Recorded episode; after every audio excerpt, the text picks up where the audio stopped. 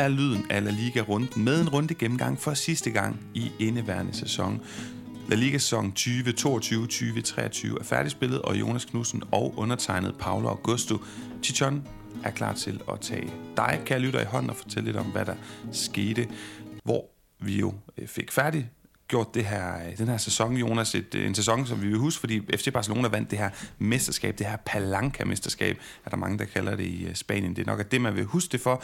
Jeg vil også huske det for, at Xavi han bevist over for mig og mange andre, at han altså er en træner med krummer i, og så skal han selvfølgelig takke sin tyske målmand og sin tysk opdragede målsluger for det her La Liga-trofæ blandt andet. Griezmann, han går fra at være indhopper, kan du huske det i starten af sæsonen, de her få øh, små indhop på grund af kontraktuelle situationer, til at være en spiller med 16 oplæg, stor kandidat, favorit i mine øjne til at, at tage en pris, vi kan uddele senere på øh, sommeren til La Ligas bedste spiller. Han har 16 oplæg i La Liga, det samme som Vinicius og Ousmane Dembélé til sammen. Almeria, Girona overlever som nyoprykkere. Øh, og ja, så kan du sige, både Rayo, Girona, Mallorca leverer nogle ret sensationelle slutstillinger. Elche, Martin Brathwaite og hans øh, look-alike, vil nogen mene, Ronaldo Nazario, de alle tre rykket ned i Segunda Division. Så Jonas, hvem, hvem har været de største dykkere, og hvem har det været de sådan, øh, bedste højdespringere i forhold til de forudsigelser, vi gjorde os før, øh, forud for sæsonen? Øhm, jamen, øh, helt, helt konkret, så kan jeg jo faktisk kigge tilbage på, øh, på mit bud på slutstillingen inden sæsonen og sige, at øh, der havde jeg Sevilla som, øh, som nummer, nummer 5. Øh, de ender som ikke helt at dykke så meget, som, øh, som vi kunne tro, men stadigvæk en af, en af de store øh, af de store dykker. Og derudover så, øh, så må man bare sige, Espanyol, dem havde jeg til at ende lige præcis midt i tabellen, og at de, øh, at de ender med at tage en øh, nedrykningsplads. Øh, og endda uden mulighed for at overleve på sidste spillerunde. Det synes jeg faktisk er et stort dyk. Også det her med, at vi har snakket om deres, øh, deres potente offensiv, så er det simpelthen ikke godt nok øh, at ende med at rykke ned øh, med alt det potentiale, der, der er i den trup og den, øh, den klub. Øh, største, øh, ja, hvad kalder flyver, øh, det, det må så være, øh, ja, netop du nævnte Girona, dem havde jeg simpelthen til næst sidste, pladsen. Mallorca havde jeg også som nedrykker. Jeg gættede faktisk ikke en eneste af nedrykkerne. Jeg havde Elche og Valladolid lige over stregen, og, og som sagt Espanyol midt i tabellen. Men Girona og Mallorca, de går fra at være nedrykningsfavoritter i mine øjne, til at øh, ende i, øh, i den bedste halvdel, vel begge to, eller i hvert fald Girona. Ja, begge to ender lige præcis i, i, i top 10 det, det er jo virkelig godt arbejde, og man må bare sige, øh, der står Javier Aguirre og Mitchell ud over det hele, og så for Gironas vedkommende selvfølgelig også en hel masse unge, spændende spillere, som, som vi også bare må klæde os til at se. Øh, I hvert fald nogen af næste sæson, fordi der er også nogen, der kommer til at skifte klub, det er helt sikkert. Så, så det er ligesom der status af. Valencia kunne man også nævne, men dem havde jeg faktisk på en, øh, til at ende på en, 13. 14. plads, så, øh, så så meget har de ikke dykket i forhold til mine forventninger. Det jeg ikke havde forventet, det var selvfølgelig, at de skulle være med i nedrykningsræset til øh, aller sidste spillerunde.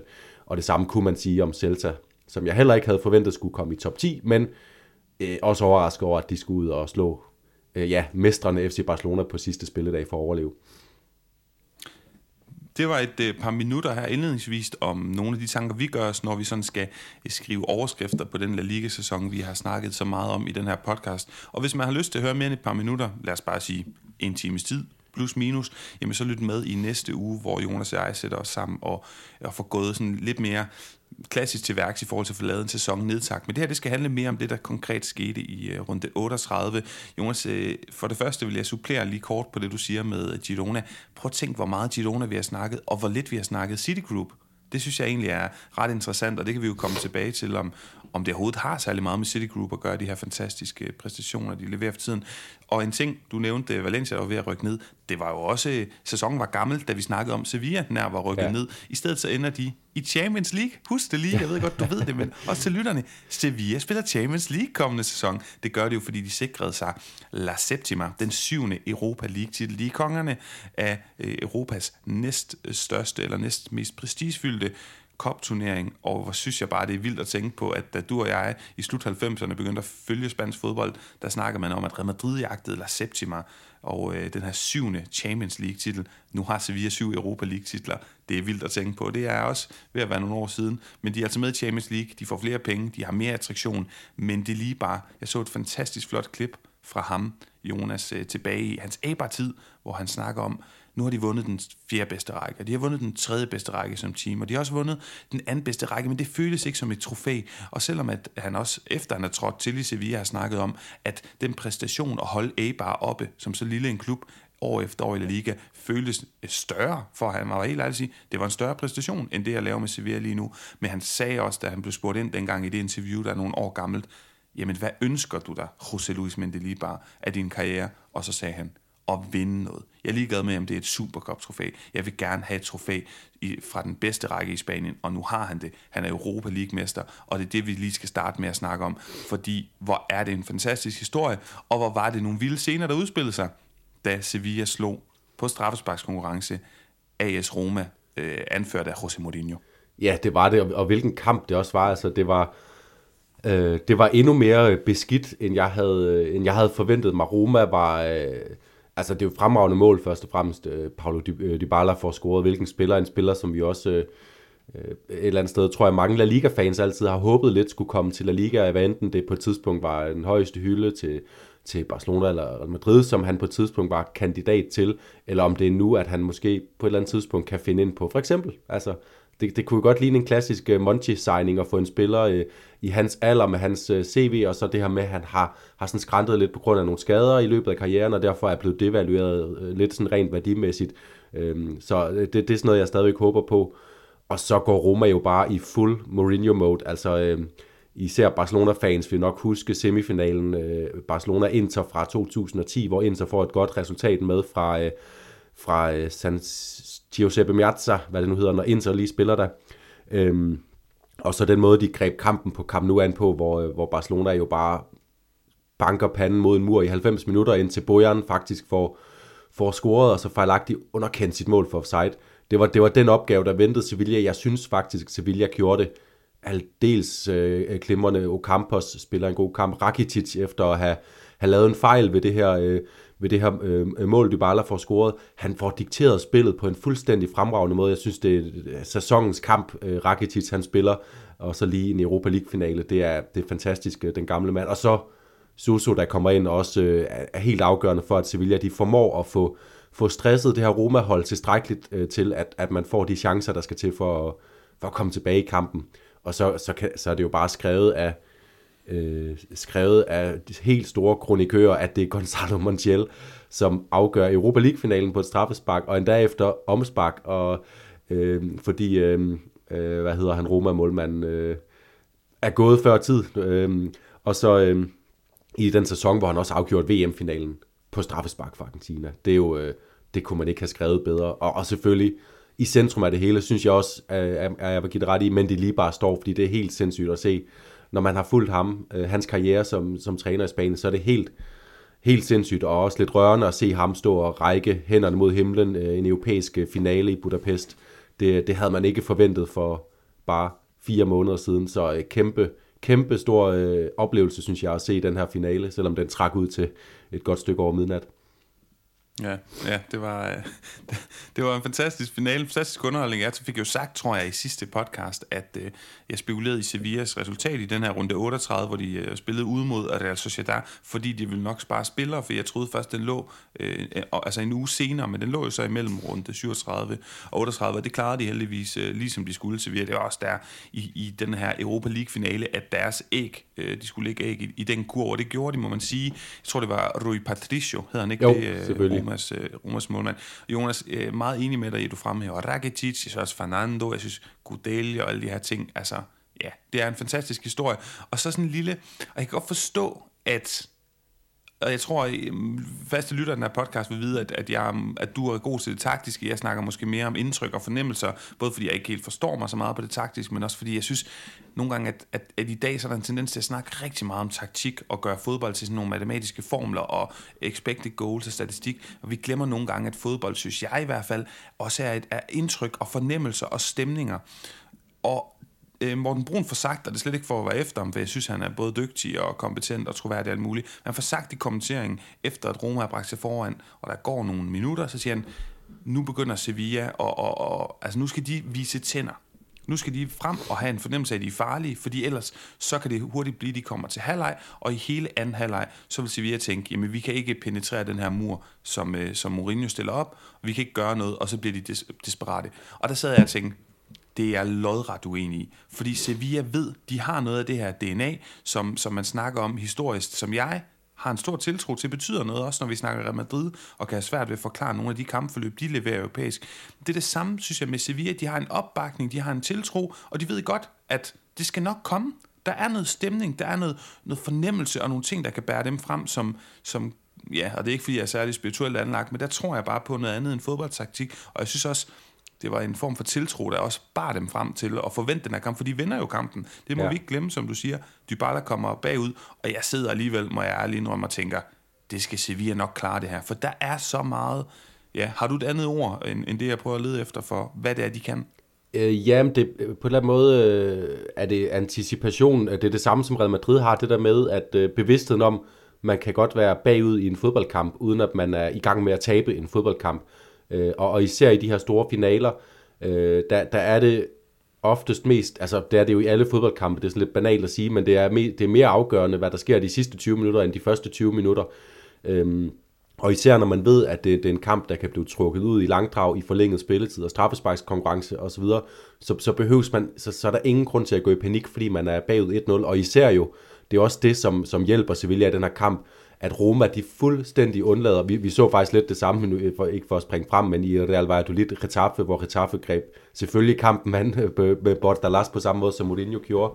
Øh, efter de første 20 minutter, hvor Roma altså, med øh, retfærdigvis gerne ville spille med, men, men det med, at Roma fuldstændig for, øhm, øh, øhm, forspiller muligheden for at have en spiller fremme, som kan tro. Alle spillere er tilbage for at, at forsvare, og derfor så, så, så, så skal Sevilla ikke bekymre sig det mindste om deres restforsvar, fordi der er simpelthen ikke nogen Roma-spillere til at stikke afsted, og det giver også en anden ro, fordi så kan man bare koncentrere alle kræfter på at prøve at, øh, prøve at finde et hul i den her mur, og, og der var huller, der var gode muligheder øh, til indlæg fra, højre, fra, fra, fra både Navas og, øh, og, og fra den anden side fra Tejes, som spiller en, også en, en glimrende kamp, skal vi faktisk lige huske, som, øh, som erstatning for Acuna.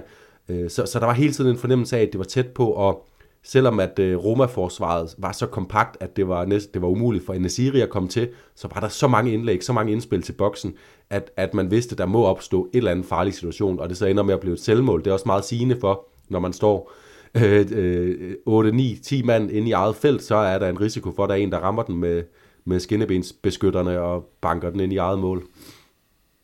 Så et stort tillykke til Sevilla med La Septima med den syvende Europa League-titel. De er altså utvivlsomt kongerne af den her turnering, og til alle dem, som, og det er jo et gætter jeg på, ikke rigtig meget vores lytter, men, men der er jo den her debat og diskurs, som, som vi har kritiseret, Jonas, øh, de seneste par år med sådan at prøve at at få ramt på spansk fodbold, der erklærer den død og begravet. Jeg vil bare sige, lad være med at, øh, at selv øh, skinnet, før at den spanske fodboldbjørn er skudt, og den er ikke skudt. Den løber frit rundt i Picos de Europa op i Asturien, og du er ikke i nærheden af at kunne fange den. Så øh, lad være med at erklære spansk fodbold død og begravet. Man vinder Europa League, man har, og kan du huske, at de, det var de eneste to hold, vi havde aktive der, da Barcelona rører ud i Europa League, ja. der snakker vi om Sevilla, åh oh, nej, sådan et øh, nærmest øh, halvdød, halvdød patient, som vi skal sætte vores lid til Europa League og Real Madrid. Men Real Madrid får eksekveret både Liverpool og Chelsea ud, og spiller en, et af de to opgør mod Manchester City jævnbyrdigt, og Sevilla, de slår Manchester United ud, de slår Juventus ud, så spansk fodbold er stadig, øh,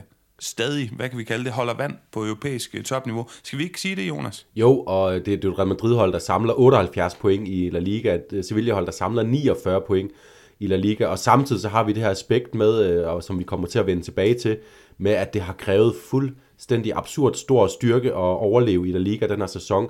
Der er, øh, der er kun Elche, som er faldet igennem, og selv de har jo efter deres øh, nedrykning blev matematisk sikret, og de ligesom fik øh, løftet det å, der var, at de skulle prøve at vinde resten af kampene for at, at, at jagte den lille chance for overlevelse, så har, øh, så har de også bidt fra sig og vist, at de er et, et hold med større kvaliteter, end, end deres 25 point viser. Så det er bare, øh, den her sæson, synes jeg, man kan jo sige, er det fordi alle hold er, er sådan lidt, øh, øh, det, det kan jo både være alle hold, der er sådan lidt svagere, end man troede, det kan også være alle hold, der er lidt bedre. Jeg synes, det er et udtryk for en enorm styrke i ligaen, at, at man skal have så mange point for at overleve. Altså øh, alle hold har deres perioder, hvor de er bare gode nok til at vinde. Real Valladolid har i perioder været rigtig godt hold. Nu ender de med at trække sorte per.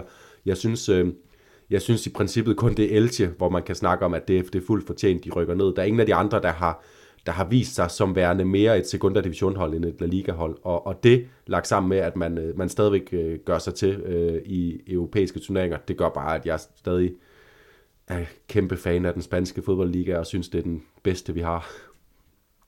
Jamen, jeg er enig. Og for de positive noter, så lad os tage en øh, break og komme, komme videre i programmet.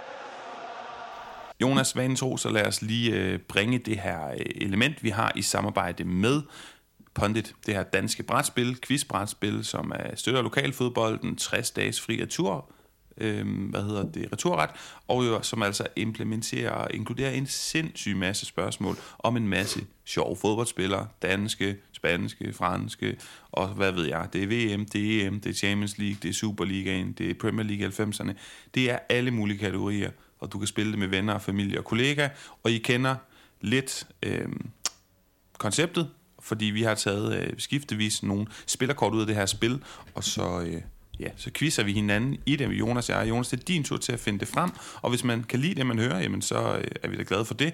Og hvis man er så nysgerrig på det, at man selv kunne tænke sig at prøve, så ved I jo, at I kan gå ind i podcastteksten, finde et link direkte til Pondits hjemmeside, og så kan I købe spillet med 100 kroners rabat, og samtidig med, at I altså får det 100 kroner billigere, så er Pondit begejstret for, at vi laver lidt larm og lyd og giver dem opmærksomhed, så de sender også 100 kroner, udover at give jer dem i rabat, så sender de dem vores vej til Jonas og jeg, så vi får lidt håndører for at holde den her øh, podcast oppe. Det koster nogle penge at have den liggende op på en server, og altså bruge en masse tid på at forberede noget forhåbentlig relevant indhold til jer. Nå, men det var øh, øh nok om, om reklamen. Jonas, lad os komme til quiz. Ja, og jeg har jeg har lige grebet til en sidste øjebliks udskiftning, for jeg har igennem lang tid haft øh, tre Valencia-relaterede kort op, fordi vi planlægger selvfølgelig en, øh, ligesom vi har haft med Villarreal og Atletico og Sevilla og Betis og Celta, tror jeg, dem vi er kommet igennem, cirka øh, klubprofil. Øhm, men, øh, men nu vil jeg gerne faktisk fejre, at, øh, at vi har Valencia som La Liga-hold i næste sæson ved at, at lige vælge to af de kort øh, og, og teste der lidt i Valencia-historie. Og så har jeg en, noget af en overraskelse til, til sidst, tror jeg godt øh, øh, love, at, at nogle af lytterne bliver overrasket over, at øh, det er en spiller, der har befundet sig i La Liga. Vi starter i Valencia. Denne elegante Spanier fik sit gennembrud under Claudio Ranieri i 1997-98, hvor han spillede mere end 30 ligakampe og scorede 10 mål for Valencia. Han var med i den legendariske Nike-reklame Secret Tournament forud for VM i 2002 sammen med fodboldikoner som Thierry Henry, Eric Cantona og Ronaldinho. Åh, oh, ja. 97-98, Claudio Får han sit, uh, sit gennembrud i Valencia. Elegant. Og du sagde ikke, om, hvorhen på banen. Nej, men det må du godt få som et... Uh, du kan også få hans uh, efterfølgende klubber, fordi han forlader faktisk Valencia lige inden de begynder at vinde mesterskaber, men ja, han, det... han er med i begge Champions League-finaler til gengæld for, for Valencia. Uh, han skifter så til Lazio for en rekordsum, og bliver så lejet tilbage til Barcelona fra Lazio, fordi at... Uh, der bliver brug for ham i det katalanske. Åh, oh, det irriterer mig, ikke har ham, fordi jeg kender 100% navnet. Jeg må også bare indrømme, at den periode med Baraja og Marchena og Albelda og øh, Ayala, som selvfølgelig er argentiner, og Canizares og alle de der. Jeg ved også godt, Canizares var blond og målmand, men jeg har lidt, jeg må indrømme, jeg, det er en lille smule mudret for mig, hvem der lige spillede hvor på banen. Så godt fulgte jeg sgu ikke med dengang. Han så en... altså, hvis ikke du har et større hint til mig, så er det et pas. Han var en straffesparksmester, så han scorede et af de bedste mål i La Ligas historie med en øh, brysttæmning og flugter. Og så sluttede han karrieren ja, nu i Middlesbrough. Der er også noget Piojo et eller andet, men er han også gammel? Og det værste er, Jonas, at nu har jeg lige, altså jeg kan ikke hans navn, men nu kommer jeg i tanke om, at jeg kan huske, du har nævnt ham for mig før. Langhåret, blond. Ja, men det er, det er et pas, jeg ved godt, det er pinligt. Det er Geiska Mendieta. Nå, ej, det er irriterende. Ham ved, ja, okay, jeg, det var ikke ham, jeg tænkte på. Det var også derfor, jeg trak den lidt. Jeg vidste, det er rigtigt, han er i Lazio, han er også i Barcelona. For fanden, Geiska kunne, kunne jeg udmærke godt. Ja, han kom... Men det havde måske været for nemt, hvis du havde sagt til mig, han havde baskisk fornavn. Ja, Øh, ja, og han blev netop lejet tilbage til Barcelona i en af de, de mest øh, forfærdelige sæsoner i, i Barcelonas øh, historik, hvor de øh, klipper, så vidt jeg husker, øh, Champions League-kvalifikationen. Det er Rivaldo i aller sidste spillerunde, der sikrer, at de overhovedet kommer i UEFA-koppen med et, et saksesparksmål i A Coruña. Øhm, ja, hattrick jo, ikke? Jo, hattrick, og det er inde på et, et sakse, altså, og det er et saksespark uden for feltet. En anden kandidat måske til det bedste mål i La Ligas historie i øvrigt. Jo, og han scorer også et vanvittigt langskud i den der. Altså, det, det, det er det smukkeste hattrick nogen ja, nogensinde. Ja, han, han var en vild spiller. Han scorede kun smukke mål, øh, Rivaldo. Nå. Øhm, den næste. Denne trafsikre argentiner scorede over tre sæsoner i Valencia i gennemsnit 20 mål per sæson, inden han blev solgt til Lazio for 35 millioner euro i 2000. Han sluttede sin karriere i MLS. Åh, oh, hvor irriterende. Så har Nej, han 55 landskampe for Argentina fra 1995 til 2003. Ja, men du er jo lige, altså du er lige der, som jeg, jeg har lige snakket om dig Septima, men jeg har kun været 5-6 år gammel, så det... Jeg rammer, rammer også lige ned i dem, der er der, før at holdet bliver sådan kendetegnet af Baraja og Aymar og Albelda. Ja, og Benitez og Bob, Bob, Bob, Jonas. Har du mere et lille hint til mig mere, eller skal jeg padle? Øhm, jeg tror, han er, jeg har sagt, han er, han er langhåret, og så deler han efternavn med en anden argentinsk langhåret bomber, som fik en knap så god karriere i, i Spanien, da han kom til Barcelona i 2004-5 stykker for at øh, for at erstatte en skadet Samuel Eto'o en halv sæson, øh, men han fik ingen succes, og så blev han mest kendt i sladderpladene for en øh, episode med Ja, okay, så det er, en, det, er en, det, er en, ja, det er jo Maxi Lopez, skal der på, så det er jo en Lopez af en art. Hvad fanden er ned til fornavn? Pas. Det, det, det er Herr Lopez, kalder vi ham. Det er, det er Claudio Lopez. Selvfølgelig. Langhåret med, med pandebånd. Og nu øh, for det skal, vi slutter sæsonen på, på en svær øh, klinge, fornemmer jeg. Øhm, og den her er svær, fordi de færreste måske kan huske, at han har en histor- historik i spansk fodbold. Denne brasilianer bliver betragtet som en af verdens bedste højrebacks nogensinde. Blandt karrierehøjdepunkterne er... Må jeg stoppe dig? Ja. Real Zaragoza Cafu. Præcis. 16 kampe for Real Zaragoza i 1995, øh, og det er sådan en af dem, der har overrasket mig, når jeg lige har været inde og kigge Cafus karrierehistorik igennem, som man jo er en gang imellem, og som også står på kortet her, i øvrigt en af de fede features ved Pondit, øh, Sao Paulo, Zaragoza, Juventud. Han er tilbage i Brasilien, efter han er i Zaragoza, og så kommer han tilbage til Roma og Milan, og så resten historie med VM-titler og italienske mesterskaber og Champions League-trofæer.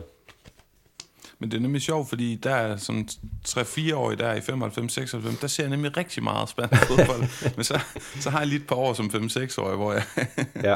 Ej, det, øh, det er gas. Men det vidste jeg faktisk godt, øh, og det, og det er sjovt. Og så der godt, så har også nogle andre store typer, sådan lidt ganske kort, der, der sker noget specielt. Jeg kan ikke helt huske, hvad historien er.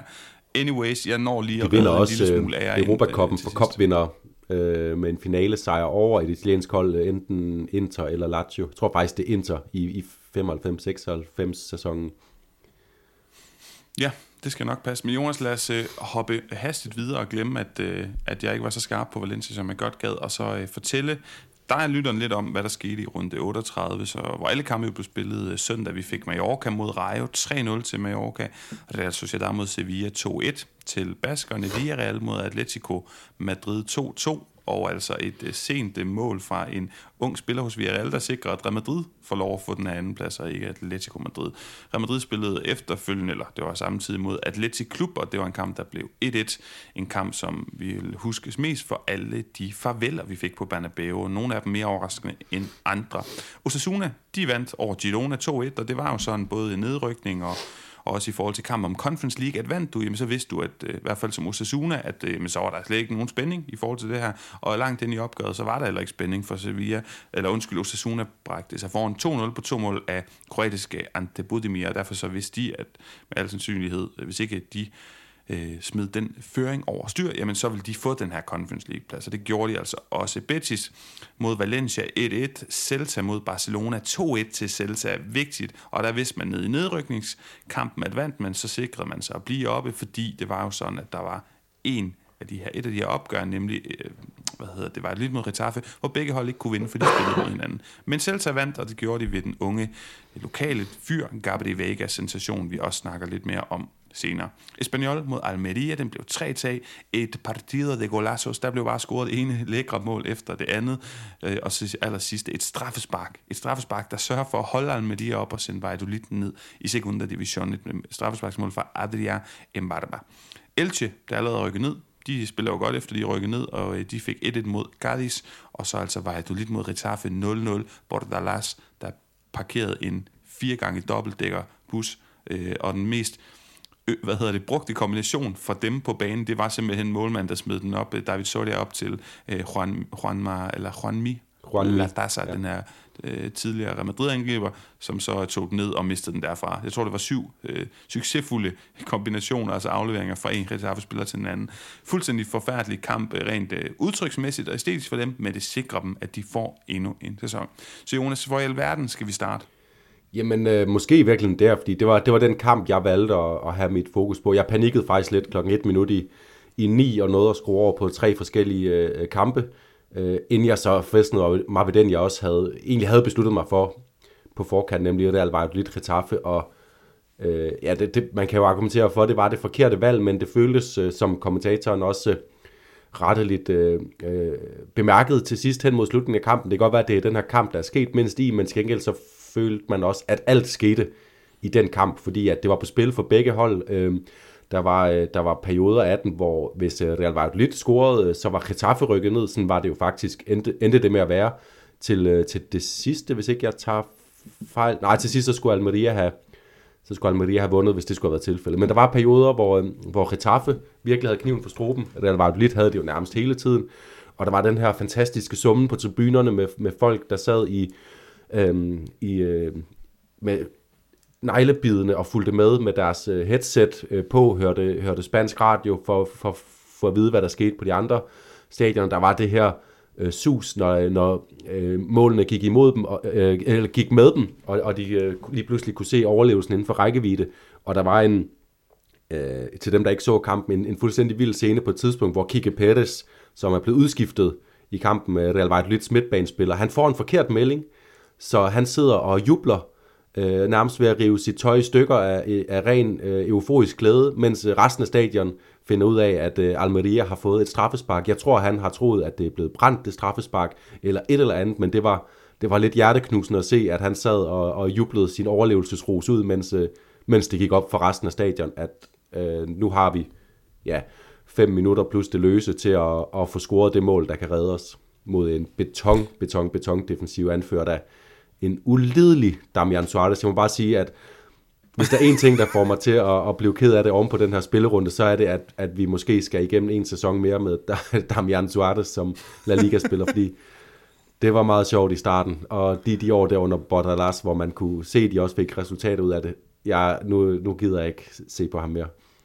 Det er sjovt, for jeg skulle lige til at sige, at du sagde betondefensiv. Apropos betondefensiv, så handlede det om, at jeg kan gøre det meget kort med Getafe. Det handler om at se, om de overlever. Det gjorde de så næste sæson med Bordalas. Jamen, jeg har dem, altså jeg er automatisk fuldstændig optimistisk på deres vegne, og tænker, jamen, de er da en outsider til Conference League-pladsen. Lad os se, lad os vente og se. Hvorfor ikke, ja. Men øh, jeg deler i hvert fald absolut din øh, skepsis omkring, hvor sjovt det bliver at dække og følge med i. Det er der slet ikke nogen tvivl om, Jonas. Men vi skal have sagt farvel til øh, Real Valladolid, og øh, jeg må indrømme, at det ikke er sådan, jo, altså vi jinxede dem, og, og vi snakkede om, at det var et øh, fedt hold i en periode, jeg må så også sige, at jeg blev først alvorligt ked af det i går aftes, efter de rykkede ned, da det, jeg kommer i tanke om, at øh, jeg på det gymnasie, jeg arbejder på som spansklærer, har øh, arrangeret en studietur, en sprogtur til efteråret til Valencia, der ligger et par timer fra Valladolid. Valladolid er den nærmeste by, og du kan jo godt regne ud, hvad det første, jeg tænker er, når jeg har arrangeret øh, turen dertil, at Valladolid skal blive oppe, så vi har muligheden for at se La Liga. Men det har vi jo så desværre ikke, så nu er jeg alvorligt ked af det.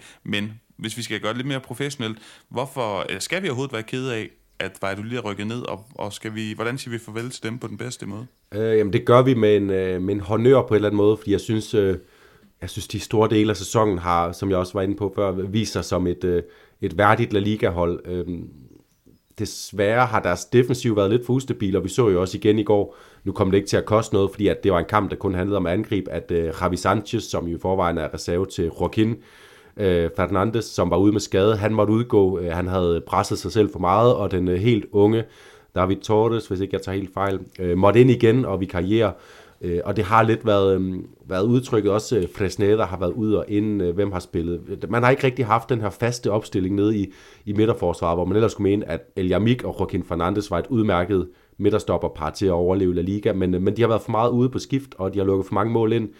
Øh, var du lidt, fordi når man ser længere fremme af banen, Roque Mesa, han spiller stadigvæk øh, fantastisk. Øh, Alvaro Aguado med sin øh, øh, øh, lave benskinner og sin øh, øh, øh trøje i bukserne. Øh, fantastisk tekniske midtbanespiller, som er sådan en, der er kommet op igennem det spanske ligasystem stille og roligt, og nu, og nu, nu bare er en lækker spiller at se spille. Øh, Gonzalo Plata, Kyle øh, Larin og Darwin, Darwin Sanchez, øh, øh Darwin Martis, øh, hvis du havde sagt, at de tre spillede øh, de tre forreste pladser på et hold, der rykkede ned i La Liga til mig, så ville jeg sige, nej, det tror jeg, det tror jeg altså ikke på. Og når, når, og når jeg så tager med, at, at jeg også synes, de har et, et, en udmærket trup resten af vejen, og har, har på et eller andet måde haft nogle, nogle perioder, hvor de har leveret stabilt, så, så har jeg, så jeg, jeg, jeg må indrømme, øh, selvom jeg hverken øh, var et lytfan eller øh, nødvendigvis hader Retaffe, så sad jeg bare virkelig og håbede på, at Bayern Lyt fik det der mål i går, også fordi øh, atmosfæren var god, og man kunne bare se det emmet af en, øh,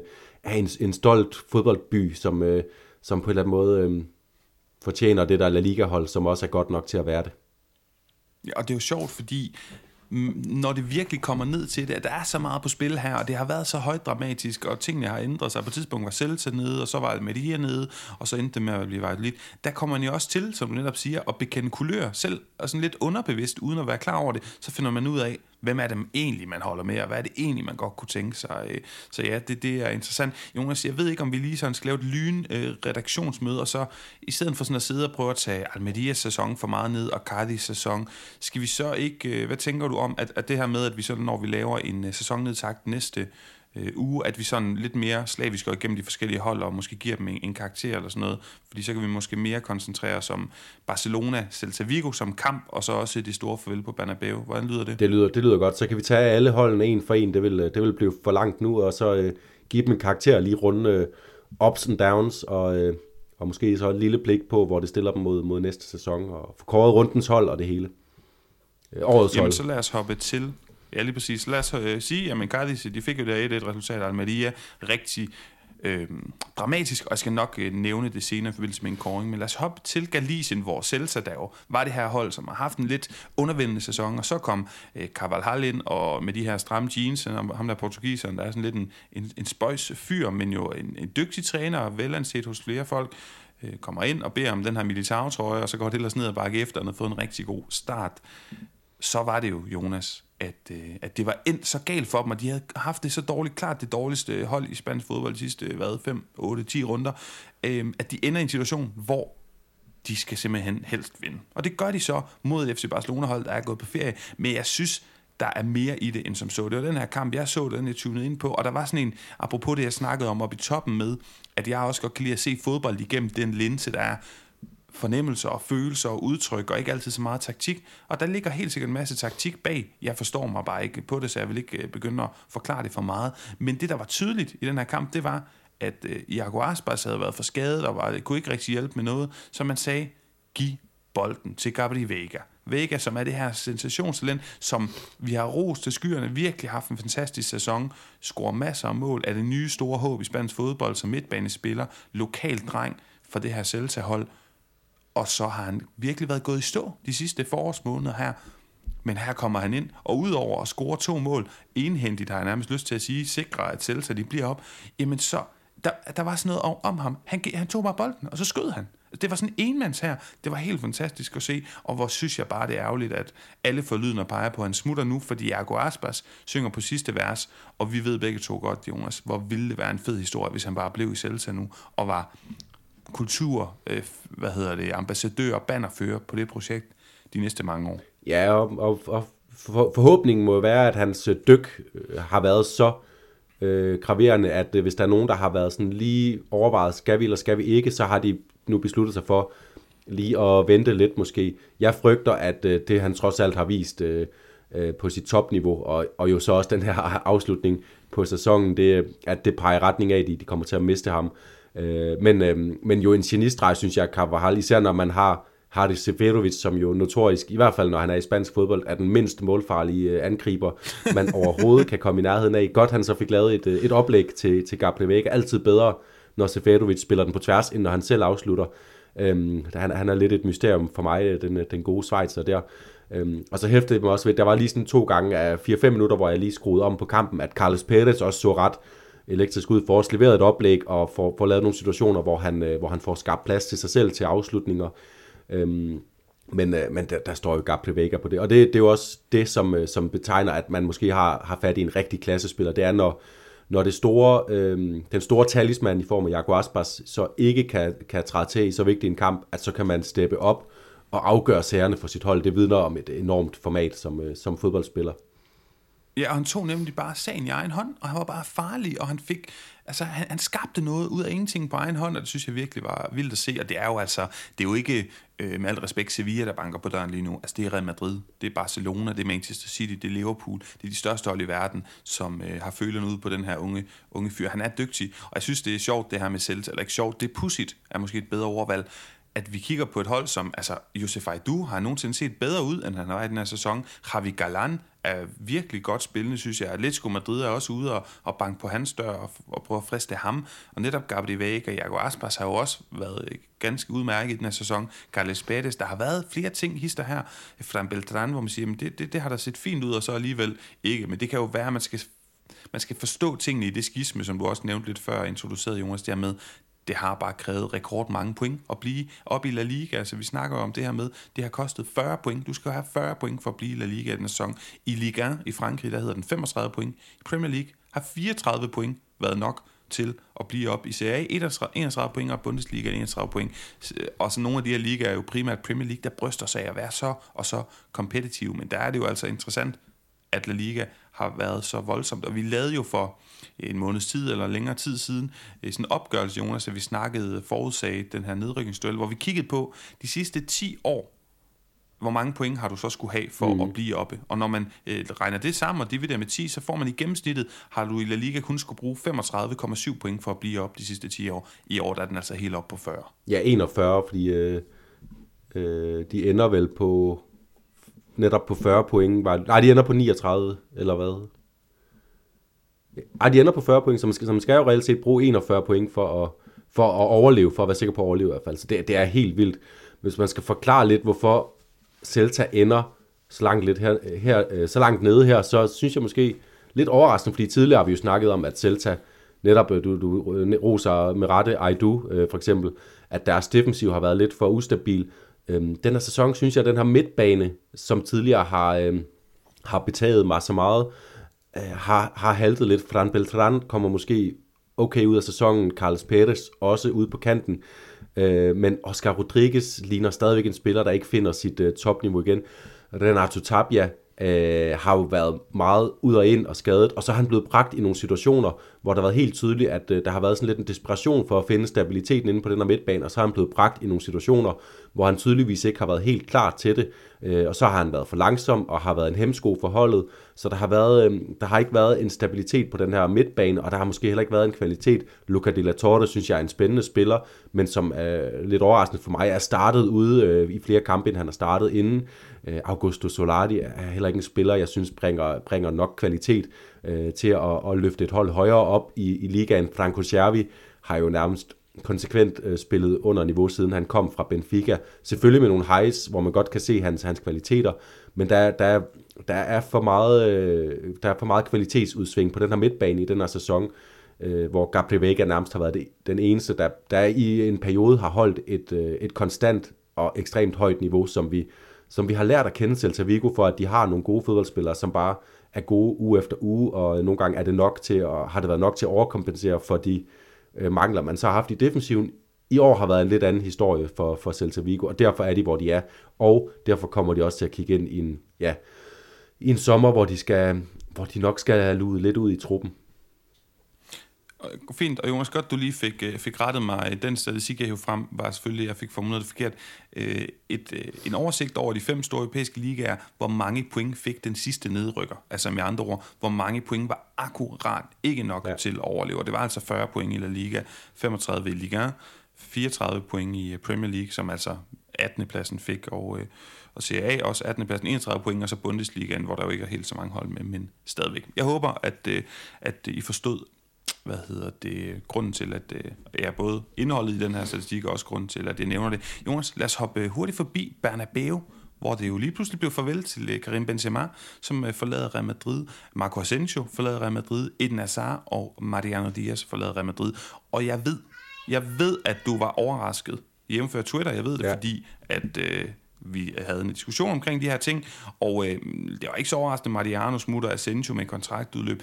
Azar øh, havde jeg, var jeg ret sikker på, at han ville smutte uanset hvad, fordi det var simpelthen en uholdbar situation. Det var pinligt for alle parter, så selvom han havde en kontrakt øh, et år mere, og den var lukrativ, jamen om man så, hvilket det ligner angiveligt, har købt ham fri det sidste år, jamen så skulle han bare væk, fordi det, det gav ikke mening for nogen. Men Karim Benzema, ham er du overrasket over for Real Madrid. Prøv at sætte nogle ord på det. Jamen, øh, det, det kan egentlig kædes lidt sammen med, øh, med en anden af dem, der smutter, nemlig Mariano Diaz. Øh, jeg, jeg var fuldstændig overbevist om, at øh, når Real Madrid havde valgt at holde fast i Mariano Diaz, som, øh, som jo i virkeligheden første backup, selvom reelt set vil man jo finde andre løsninger, øh, når, når, når Karim Benzema øh, var skadet. Men når man har valgt at have ham som øh, nummer to nier i, øh, i truppen, øh, så var jeg overbevist om, at man havde en helt klar aftale med Karim Benzema om, at det ikke var den her sommer, han stoppede. Øhm, Carlo Ancelotti var jo også øh, fortrøstningsfuld, da han blev spurgt så sent som i, ja, i optakten til den her kamp, fordi det er jo først på dagen øh, øh, i går, at øh, Benzema melder ud, at, øh, at nu skal det slutte, og i øvrigt øh, godt, han gør det, så han kunne nå at få den hyldest, han har, har fortjent i Real Madrid. Øhm, men jeg, jeg, af, den, af den grund er jeg overrasket, fordi Real Madrid har simpelthen de har ikke tilnærmelsesvist en løsning øh, på plads for Karim Benzemas exit, og, øh, og det er noget, der kommer til at hæve prisen på alle angriber, når Real Madrid de øh, skal ud og, og, spørge, og, øh, og spørge rundt, og det betyder også, jeg tror ikke, Real Madrid kommer til at kunne hente et af de her helt store, hotte angribernavne, øh, øh især fordi, at de jo formentlig også gerne vil bruge nogle penge på en engelsk midtbanespiller fra, fra Dortmund, så det, det er, jeg synes, det er stærkt bekymrende for, for Real Madrid, og det bliver hårdt arbejde øh, hen over sommeren for dem at finde en løsning på det her. De skal ud og have to angriber. Den ene skal være, øh, ja, altså per definition skal den ene være en af verdens bedste angriber, fordi at det er til Real Madrid, man henter en angriber. Det er en vanvittig opgave. Jamen, og man kunne, ikke have, man kunne ikke have skrevet og sagt det bedre, end det du siger.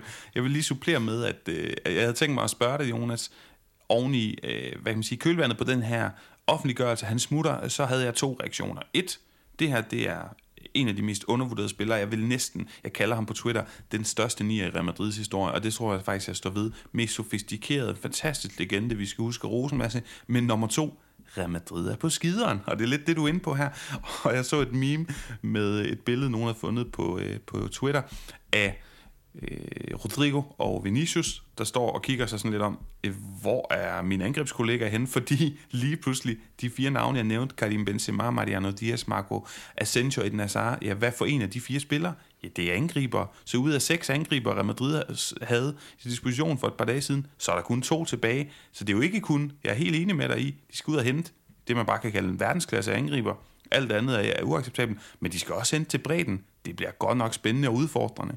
Det, det gør det. Nu kan så få, forstå Brahim, øh, øh, Brahim Diaz, er det det, øh, det han hedder? Han har været væk længe fra spansk fodbold. Brahim Diaz øh, kommer, kommer, kommer tilbage til, til Real Madrid, og, og det løser jo i hvert fald lidt problem i, i bredden, men øh, det er jo også til siderne. Øh, så, så det gør, at man måske øh, kan nøjes med at hente en... Øh, hente to angriber ind, fordi man, man har jo også ham her Alvaro øh, Rodriguez, som har været lidt inde. Måske man tror, at han kan øh, kan steppe lidt op, og i hvert fald være sådan et 6. 7. valg, man, man godt kan stole på øh, til, den, til den forreste linje.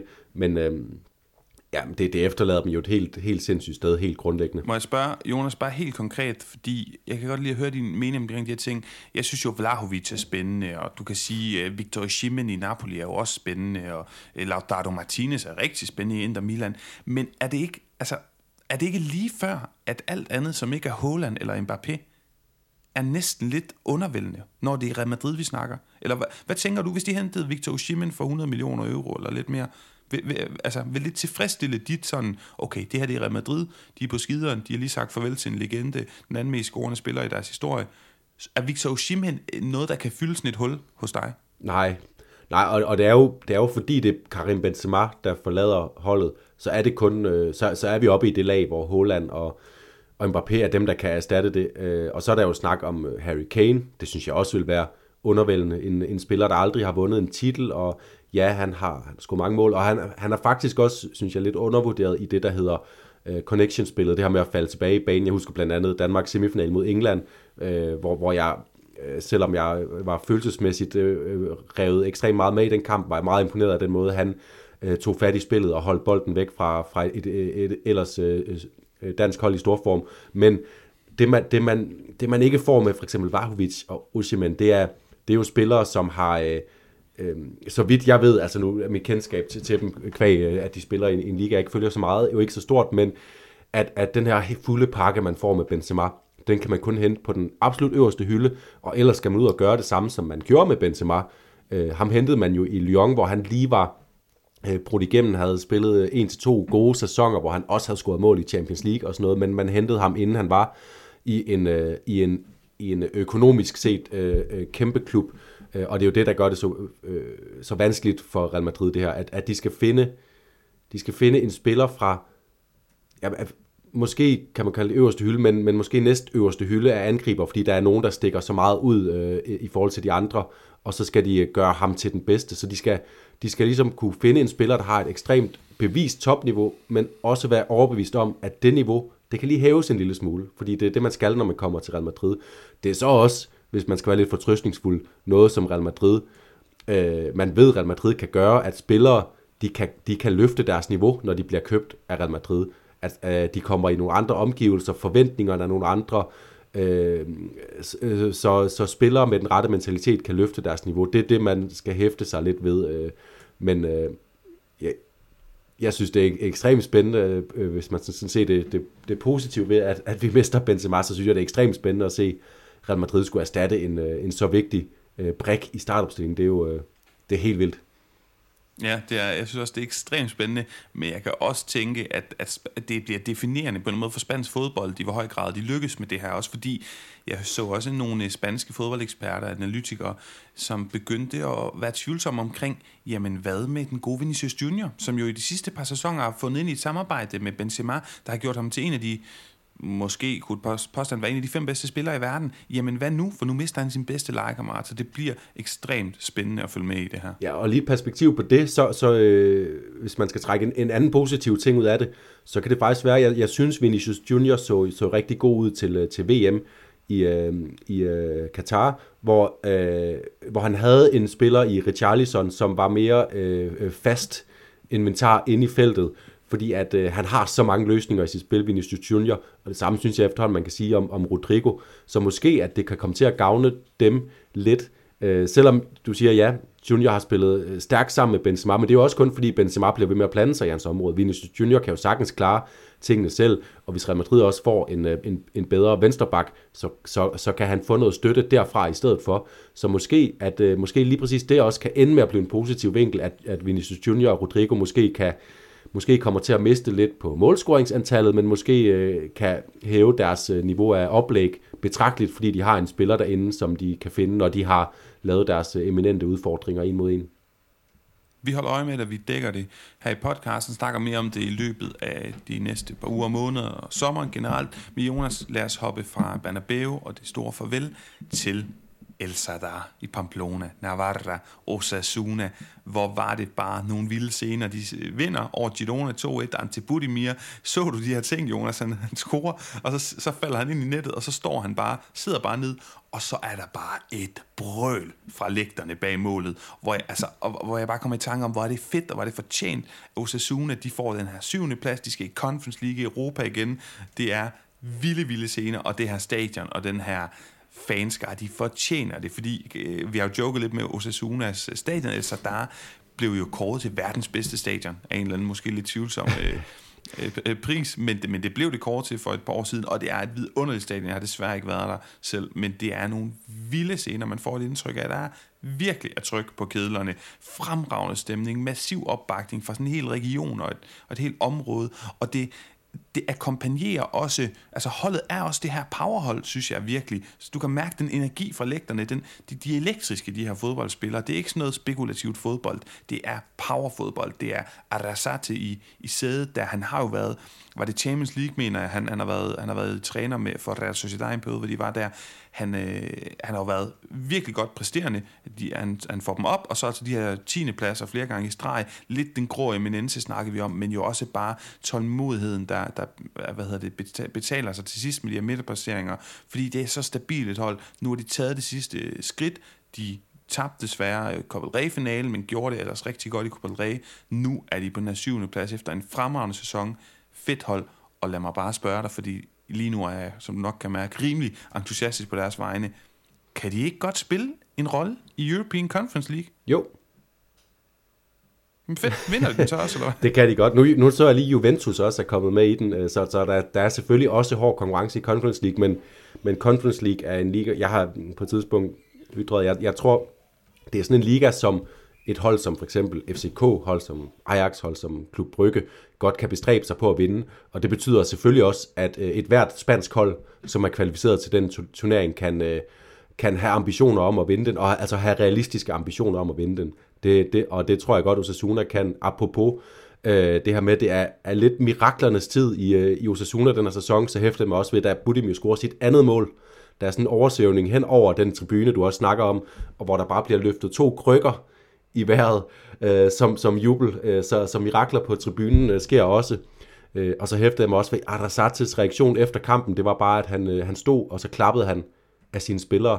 Fordi netop, netop den her energiudladning, det er, det kan, det kan han jo godt som træner have en plan om, at det skal være, men det kræver også en ekstremt øh, motiveret, ekstremt engageret øh, spillertrup øh, og, og med en ekstrem disciplin at kunne, at kunne overfalde sine modstanderhold på den måde, som, som de er i stand til og har været i store dele af sæsonen, som også gjorde, at vi snakkede om dem som et, øh, et, et hold, der kunne øh, have ambitioner om mere i ligaen, allerede inden de var øh, øh, godt i gang med deres Copa del Rey-eventyr, fordi at det er et hold med så stor karakterstyrke, at, øh, at, at de kan gøre noget på, øh, ja, mod alle hold på alle dage. Så derfor øh, jo til de spørgsmål, om de kan vinde Conference League. Er de favoritter? Nej, det er de ikke, men selvfølgelig kan de det.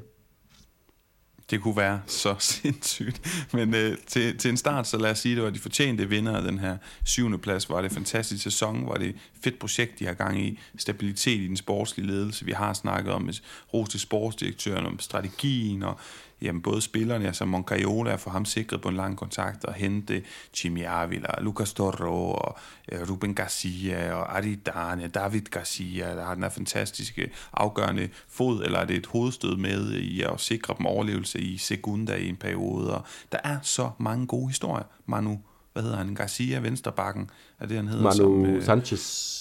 Manu Sanchez er det, den unge, det unge talent fra Atletico Madrid, og så videre, og så videre. Ante Budimir, og øh, vi kunne blive ved. Ja, og øvrigt går David Garcia ud allerede efter 6 minutter af den her kamp, og der sad jeg der og tænkte, okay, øh, Juan Cruz kommer ind i stedet for, og skal spille på en uvandt plads øh, i midterforsvaret. Øh, og der tænker man da, okay, mod, mod en, et Girona-hold, som i den grad har, har farlige spillere, øh, øh Castellanos, Riquelme, Tigankov osv., øh, der, der bliver jeg bekymret, men så er det igen bare et, øh, et hold, som er, er, er mere et hold, end det er nogen enkelte spillere. Øh, øh, så, så derfor er Budimir står tilbage som den helt store held, men, men det er Osasuna, det er, det, det er, det, det er definitionen af et, et sammentømret fodboldhold, som har hinandens ryg. Det er, øh, og, og derfor også øh, ekstremt magisk med den her connection, de har med deres, øh, deres øh, publikum på El Sadar. Øh, jeg, elsker, jeg, jeg har elsket hele den her sæson at se Osasunas kampe, øh, øh, fordi det bare er ja, der, der, det slår knister, når de spiller, og det, det kan jeg godt lide. Mm. Og ved du hvad, Jonas, øh, stort tillykke til dem, velfortjent. Lad os øh, med de ord og den her herlige snak om det her Osasuna-hold, vi har så kært, gå på den sidste breaker for runde gennemgangen i den her sæson, og så på den anden side få uddelt de sidste koringer for den her omgang. Karim Benzema Karim Karim Benzema Karim Benzema. Karim Benzema. Vi har snakket om, at det, det der er så øh, tit, for dig i hvert fald, blandt andet, er en øh, fodboldmæssig teknisk detalje kan det være, men, øh, og så spørger jeg dig, om det er min måde, til, altså fordi i Spanien kan det der er så også være en detalje, men på Danmark, eller på dansk vil vi måske mere bruge ordet gestus, men kan man også, altså kan man, man kan også sige, at det er jo en fin detalje om noget, der er, for eksempel, øh, ja, du kan svare på, om det, jeg, kommer og peger på nu, om det kan, om vi kan bruge detaljer om det, i stedet for gestus, men øh, at det er Embarbas straffespark. Altså det her med, at han tager det her straffespark, der sender Valladolid ned og Almeria op, efter at de jo øh, helt live-stilling i 22 minutter har at, øh, hvad hedder det, Almeria ligget i Segunda Division i kommende sæson. Han får det her straffespark, der er ikke mere end 5 minutter tilbage, tror jeg, og den her spilletid. Så går han op og scorer. Det er en, det er en vild ja, detalje, fordi at, at det er der, hvor alting, alle skæbner afgøres, det er med det straffespark i sidst, øh, til syvende og sidst, i hvert fald mellem Valladolid og Almeria, og helt konkret ved, at han stiller sig op og scorer, eksekverer det her straffespark, scorer målet, jamen så sker der det i tabellen, at han sender sit hold op og går fra øh, forfærdelse til, til noget fantastisk, i og med, at de bliver oppe som oprykkere, og så sender han samtidig Valladolid ned. Det synes jeg er så dramatisk.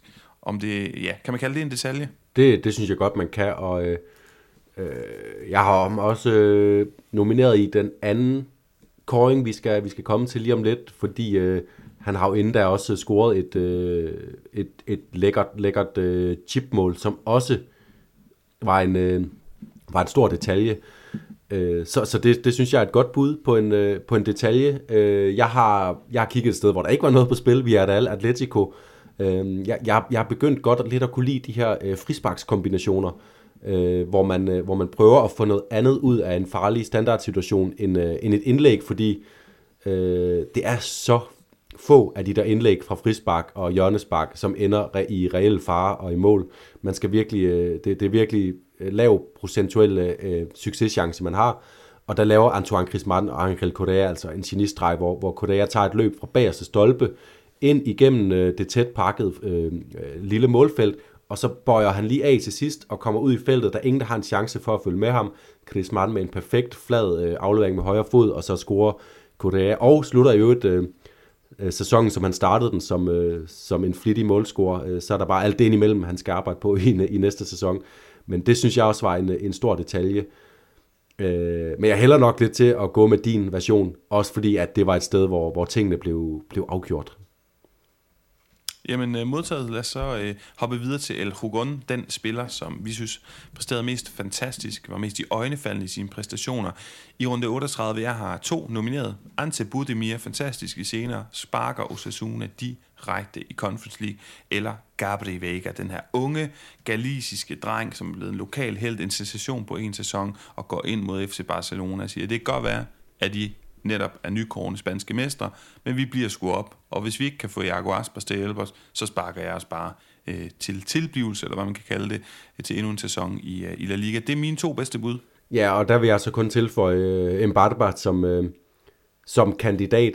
Øh, også fordi det er bare, det er jo selvfølgelig oplagt, det er tre øh, tomålskytter, vi har, vi har nomineret. Øh, jeg synes, Mbarba Budimir, øh, også kvæg, ja, det vi snakker om før, det er de mest afgørende mål, ender det jo med at blive Gabriel Vega, ender jo også med øh, godt at kunne have undværet de her mål, fordi at øh, Valladolid ikke vinder. Så, så det er selvfølgelig sådan lidt spekulativt, fordi det vidste han ikke i løbet af kampen og sådan noget, men, men det er Mbardebars mål, vi kommer til at huske, det er Budimirs mål, vi kommer til at huske. Så jeg tror, jeg vil lade det være en af de to, og så lade dig øh, afgøre, om det skal være Conference League-kvalifikationen eller overlevelsen, der, der vægter højst. Ja, men så, så heller er det, altså, altså så må jeg sige, så hælder jeg til en fordi der simpelthen er mere på spil her. Men jeg vil så også sige, hold samtidig, hvor er det bare fantastiske scener, og hvor skal man ikke undervurdere, hvor meget det betyder op i Pamplona for Osasuna. Men jeg tror, jeg vil gå med Mbadaba. Og det er på trods af, at jeg jo, øh, nu er vi snart snakket spansk fodbold en time, og jeg, om, altså den ene af min hjernehalvdel har kun bruger kun energi på lige nu, hvor, hvor frustreret jeg er over, at jeg ikke husker Gais Carmendieta i den quiz. så jeg kun gætter en af, af tre af de her pundit-spillere, fordi så havde jeg måske med lidt mere ro i stemmen kunne sige, Jonas, jeg dikterer øh, her. Men altså, mit bud er, mit bud er en Bartaba der. Så. Jamen, den, det var også, øh, det var min første intuition, så den er jeg frisk på. Han får sæsonens sidste rundens Rugon, og den første, han har fået den her sæson, tør jeg jo også godt konstatere. Ja, det, det, Vega, det Vega har jo fået den øh, en gang tidligere. Øh, Budimir har heller ikke fået den, selvom han har, han har haft nogle kampe, hvor han har scoret øh, to. Jeg ved ikke, om han har scoret et hat også, uden at få den faktisk, men øh, Mbarba Det får den. tror jeg ikke. Jeg tror ikke, han har lavet hat Jonas, øh, lad mig hurtigt tage dig igennem øh, Drente og Cruyff for mig. Det gør os egentlig øh, kort. Min Drente er Eden Hazards tid, hans farvel i øh, Real Madrid i spansk fodbold, øh, hvor havde vi bare troet meget mere. Jeg sad lige tilfældigvis og faldt over på sociale medier et mål, han scorede mod Liverpool i en øh, pokalturnering, øh, inden at han kommer til Real Madrid, øh, hvor du bare sidder og siger, men det der, det er jo verdens bedste spiller, lige efter Messi, og hvem det ellers var i den her periode. Og det var helt oplagt, at han skulle til spansk fodbold, han skulle afløse for Ronaldo, og så gik det galt. Og det gik galt på grund af uheld, og så gik det galt på grund af hans egen indstilling. Men der er ikke meget andet at sige end kæmpe flop-historie. Og var det træls for spansk fodbold, at vi blev berøvet, for det tror jeg mange, mange kan godt kigge på ham og sige, at han har været irrelevant i flere sæsoner, og det har han.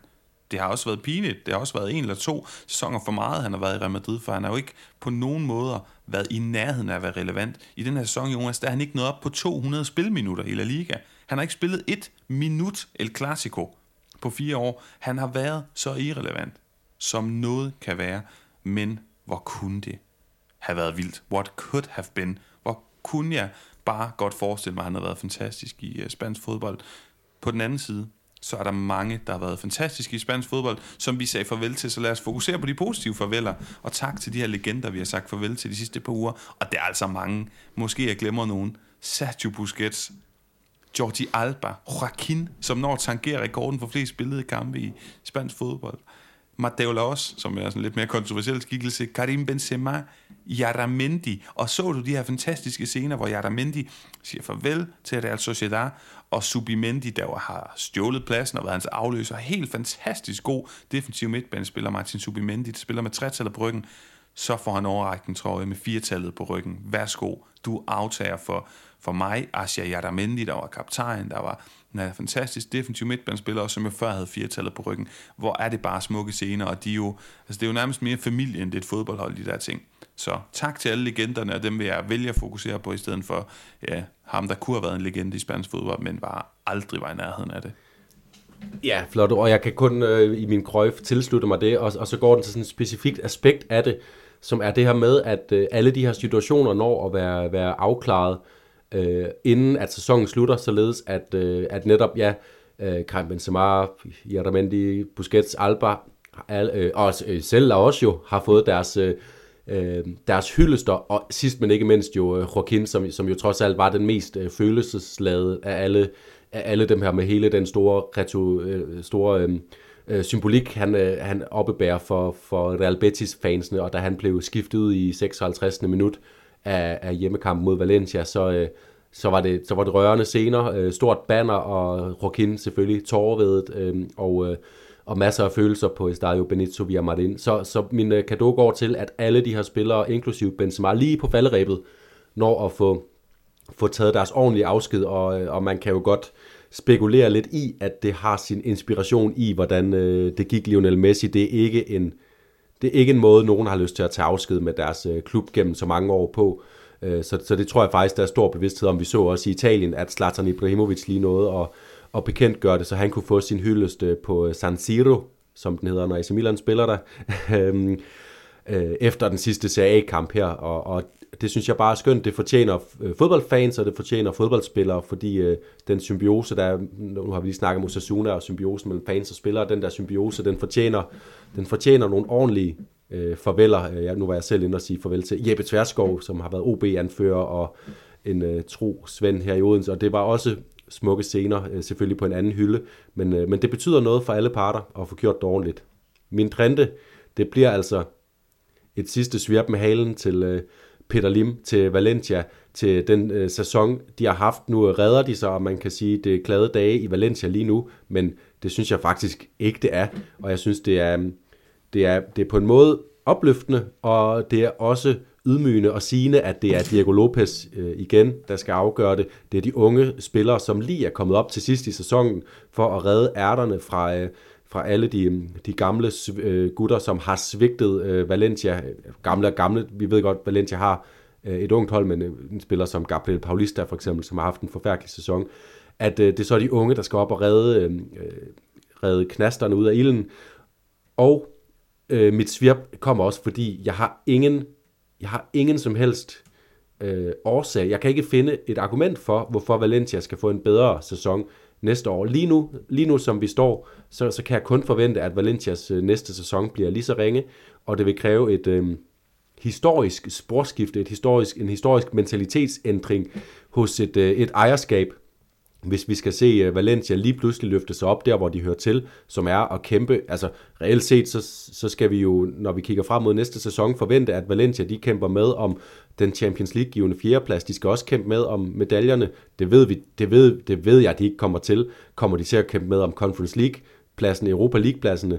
Det tvivler jeg også ekstremt meget på. Jeg tror, øh, jeg, jeg tror, jeg kommer til at have dem lige omkring øh, mellem 15. og 10. pladsen, når jeg skal komme med mit bud på øh, slutstillingen næste sæson, afhængig af, hvad der sker i transfervinduet. Og transfervinduer, det er det, som Valencia-fans øh, gentager jeg igen mig selv, som jeg har sagt mange gange.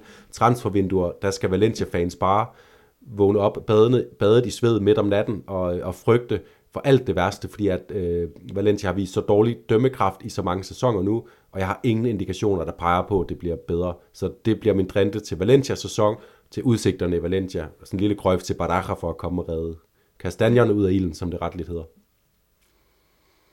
Ja, jeg har lyst til at være tavs, fordi jeg kunne, ikke, øh, jeg kunne ikke, øh, overhovedet ikke have sagt det bedre selv. Hvor er det bare fuldstændig på sin plads at øh, dedikere et svirp med halen til, jeg skulle sige, den gode Peter Lim. det mener jeg absolut ikke, han er.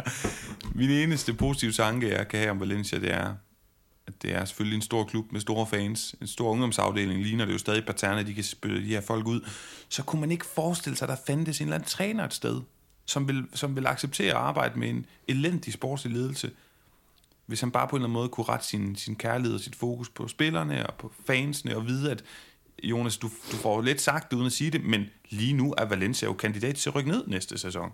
Og, og, og det er jo derfor, jeg sidder og tænker, jamen for eksempel Rafa Benitez, noget romantik i, han kommer ind og siger, okay, omverdenen ved godt, at hvis jeg bare klarer ærterne i La Liga, eller ja, i La Liga, og måske gerne lidt mere, øh, med lidt mere overskud, måske ender på en 12. 10. plads, hvad ved jeg, jamen så er folk tilfredse og relativt glade. Og noget med nogle unge spillere og et, et spilsystem og noget stabilitet til den her klub, jamen så, ja, det er det eneste positive, jeg kan finde frem, og jeg ved godt, det lyder ikke meget, for du har fuldstændig ret. Vi har sagt det før, vi bliver nødt til at sige det igen til de yngre lyttere og dem, der ikke ved det. Valencia, de burde ligge og kæmpe med om mesterskabet de fleste sæsoner. Ja, jeg, og det kommer de ikke til. Og jeg tror ikke, Valencia kan hente så stor en trænerkapacitet, som det er lige nu, fordi nu er det så mange trænere, der har været igennem, også store navne, øh, med stor erfaring og flotte CV'er, som har været igennem, og bare måtte konstatere, at jeg kan ikke arbejde her. Og øh, så kan det godt være, at Benitez har romantik, men jeg tror netop også, at den romantik kan være noget, der, der holder ham væk. Hvis øh, der sker et ejerskifte i Valencia, så vil det være helt oplagt, men jeg, jeg tror ikke, der, der skal Jamen, vi, virkelig meget til at acceptere øh, de, de vilkår lige nu. Vi, vi er ikke uenige, men altså Peter Lim vil jo også godt købe noget goodwill. Det er jo det, han er verdensmester i hos fansene, og det, det vil han jo kunne gøre ved en Rafa Benitez, der for eksempel går led. Ja, ja. Når det så er sagt, så Men lige så, præcis så det handler sammen. ikke om, om Peter Lims vilje, det handler om trænernes vilje. Jeg tror, øh, nu er Peter Lim øh, blacklistet hos, øh, hos de øh, øh, store trænernavne, som har andre muligheder. Det er kun, hvis man står absolut uden andre muligheder, at man siger ja tak til det her job.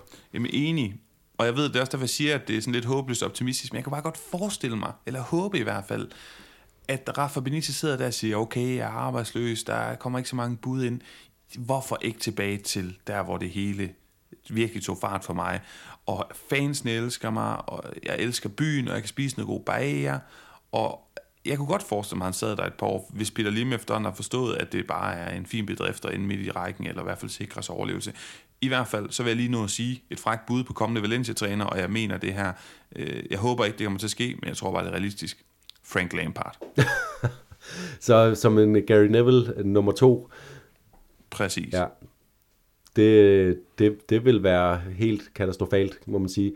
Men øh, lige, lige for rundt rund Benitez af, øh, jeg tror simpelthen, han, han vil frygte for meget at blive den træner, der så rykker Valencia ned, og, og dermed også forpurer hele sit øh, gode rygte og renommé. Øh, og, jeg, og jeg tror ikke, Peter Lim kan give de garantier, som, øh, som der skal til, øh, på at øh, truppen bliver bedre, at øh, arbejdsvilkårene bliver roligere, Øh, så måske, jeg, jeg tror, Frank Lampard er et bedre bud end Benitez, desværre. Ved vi, at ja, Badara ikke fortsætter også. egentlig? Det tror jeg, han gør med den gode Marchena. Og Jonas, lad os have nogle flere af de her snakke, når vi forhåbentlig får øh, fundet tid i kalenderen til at, lave et uh, Valencia klubportræt, som du også uh, nævnte tidligere. Det er en af de ting, der står på ønskelisten for os her i podcasten over sommeren. Men indtil at vi øh, udkommer med sådan en, jamen så ved vi i hvert fald, at næste uge, Jonas, der prøver vi at slå hovederne sammen og sætte et sæsonens hold, øh, komme med nogle koringer, give nogle karakterer til holdene og, og generelt sådan drøfte i overskrifter, hvad var det her for en sæson 2022-2023 i spansk fodbold, og vi vil rigtig gerne have jeres inputs. Så lad os se, om ikke I kan Øh, kaste lidt i vores retning. Det kan bare være, jeg synes, øh, hvad ved jeg, Gabriel Vega, han skal spille på midtbanen på sæsonshold, eller jeg forstår slet ikke, hvorfor I ikke har rost, øh, hvad ved jeg, jeg har oplagt noget mere. I don't know. I bestemmer helt selv. Kast alt, hvad I har lyst til i vores retning. Hvorfor er Girona og Mitchell sæsonens hold og træner, eller hvorfor er det Rayo, eller hvorfor det burde egentlig bare være 11 Barcelona-spillere, Xavi, og så videre, og så videre. Ja, nu når vi snakker om hold, så er det jo her, vi plejer at komme med vores forudsigelser til holdet.dk, men der er jo selv sagt ikke nogen næste runde øh, der, så, så måske jeg lige skal opsummere, at vi i vores sidste runde med anbefalinger til holdet.dk var Øh, ramte et historisk lavpunkt i det, vi havde hver vores angriber. Øh, du havde Latas, og jeg havde Kyle Larin i en kamp, der ender 0-0, og øh, så havde jeg anbefalet David Garcia, som blev udskiftet efter, efter 6 minutter øh, i, en, øh, i en kamp mod Girona. Så vi, vi slutter sæsonen på et absolut low, men øh, min forudsigelse mod vores næste udsendelse, det må være, at Mark Andreas Stegen tager pladsen mellem stængerne, og øh, så må vi se, om jeg får ret i det.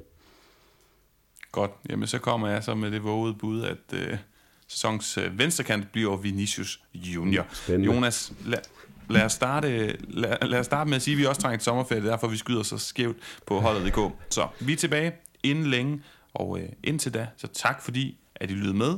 Vi lyttes ved næste udsendelse, og hvis I savner spansk fodbold, inden da, så køb da Pondit, brætspillet og quiz hinanden, familie, kollegaer, venner, hvad ved jeg, naboer i viden, eksempelvis om spansk fodbold. Tak for nu. Ciao.